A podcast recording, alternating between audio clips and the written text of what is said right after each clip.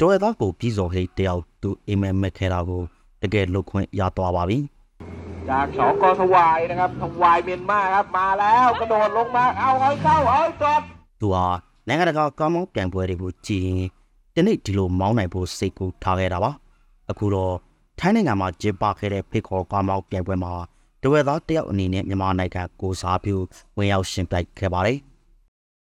ကချနာဘူရီခရိုင်မှာအခုလ22ရက်ကနေ 25ရက်နေ့အထိ၄ရက်ကြာကျင်းပခဲ့တဲ့ဖိတ်ခေါ်ကားမောင်းပြိုင်ပွဲမှာအရှင်ထိုင်းနိုင်ငံအပြင်မလေးရှားကမ်ဘောဒီးယားလာအိုမြန်မာနိုင်ငံကကိုစားပြုကားမောင်းသမားတွေကလာရောက်ရှင်ပြိုင်ခဲ့တာပါ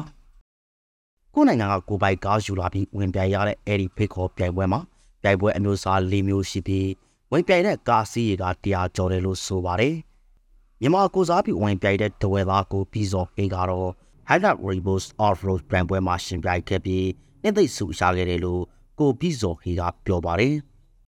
ပထမအဆုံးဝင်ပြတော့တော့အတွေ့အကြုံကြီးပဲဆိုတော့ပြောပါရဲအဲတခါမှကျွန်တော်တို့ရဲ့အိမ်မက်ပဲလေလူငယ်တွေဆိုတော့လေဒါအရင်ကဆို TV မှာကြည့်ပြီးပဲကျွန်တော်တို့ယူနေရတာလေအခုလက်တွေ့မှာအာဝင်မောင်းရတယ်ဆိုတော့အဲတော်တော်လေးပြောပါရဲကျွန်တော်တို့ဟုတ်ကဲ့နောက်ထပ်လူငယ်တွေရဲ့အများကြီးဆက်သွယ်လာတာလို့ရှိရဲအဲဝင်ပြဖို့လေကျွန်တော်တို့အနေနဲ့နောက်နှစ်တွေလည်းဝင်ပြဖို့အစီအစဉ်တွေအများကြီးရှိပါတယ်ဗျ။ ကိုပြီးစော်ရေဝင်ပြိုင်တဲ့ပြိုင်ပွဲအမျိုးအစားမှာကြာတော့၄ကီလိုမီတာအကွာဝေးဖို့မောင်းနေရှင်ပြိုင်ရှားတာလို့ဆိုပါတယ်။ကားရစီမှာရင်မောင်းတူလမ်းမြတူပါဝင်အဖွဲ့ဝင်၃ပါဝင်ပြီးပြိုင်ပွဲဝင်ကြီးအနေနဲ့ဘတ်9500ပေးသွင်းရှားတယ်လို့ဆိုပါတယ်။အဲ့ဒီဖိတ်ခေါ်ကားမောင်းပြိုင်ပွဲမှာဆယ်စုနှစ်တခုအတွင်းမြန်မာအလံပါဝင်ခွင့်ရှားတဲ့အပေါ်တိုရဲသားကိုပြီးစော်ခေကအခုလိုပြောဆိုလိုက်ပါတယ်။